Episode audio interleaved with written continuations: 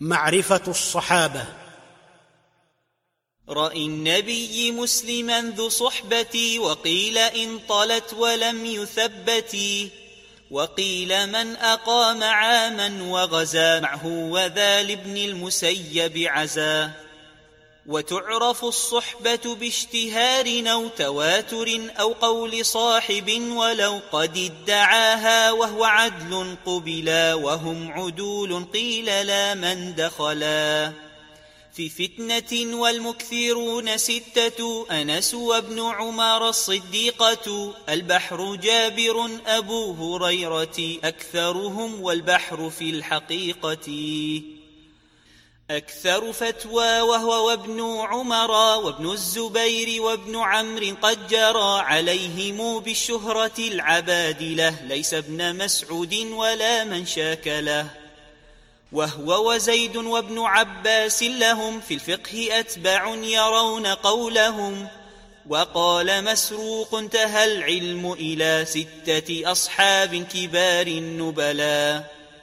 زيد أبي الدرداء مع أبي عمر عبد الله مع علي ثم انتهى لذين والبعض جعل. الأشعري عن أبي الدرداء بدل والعد لا يحصرهم فقد ظهر سبعون ألفا بتبوك وحضر.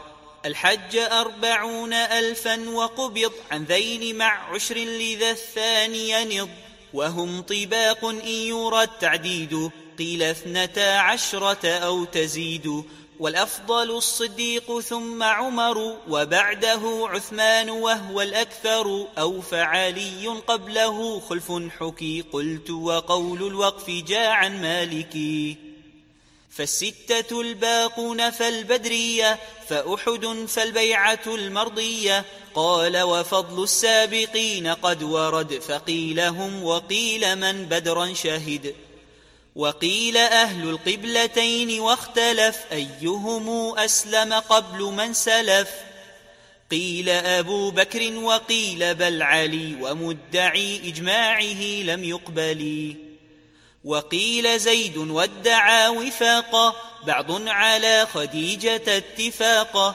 ومات آخرا بغير مرية أبو الطفيل مات عام مئة وقبله السائب بالمدينة أو سهل أو جابر أو بمكة وقيل الآخر بها ابن عمر إن كان عامر بها ما قبر وأنس بن مالك بالبصرة وابن أبي أوفى قضى بالكوفة والشام فابن بسر أو ذو باهلة خلف وقيل بدمشق واثلة وإن في حمص بن بسر قبضا وإن بالجزيرة العرس قضى.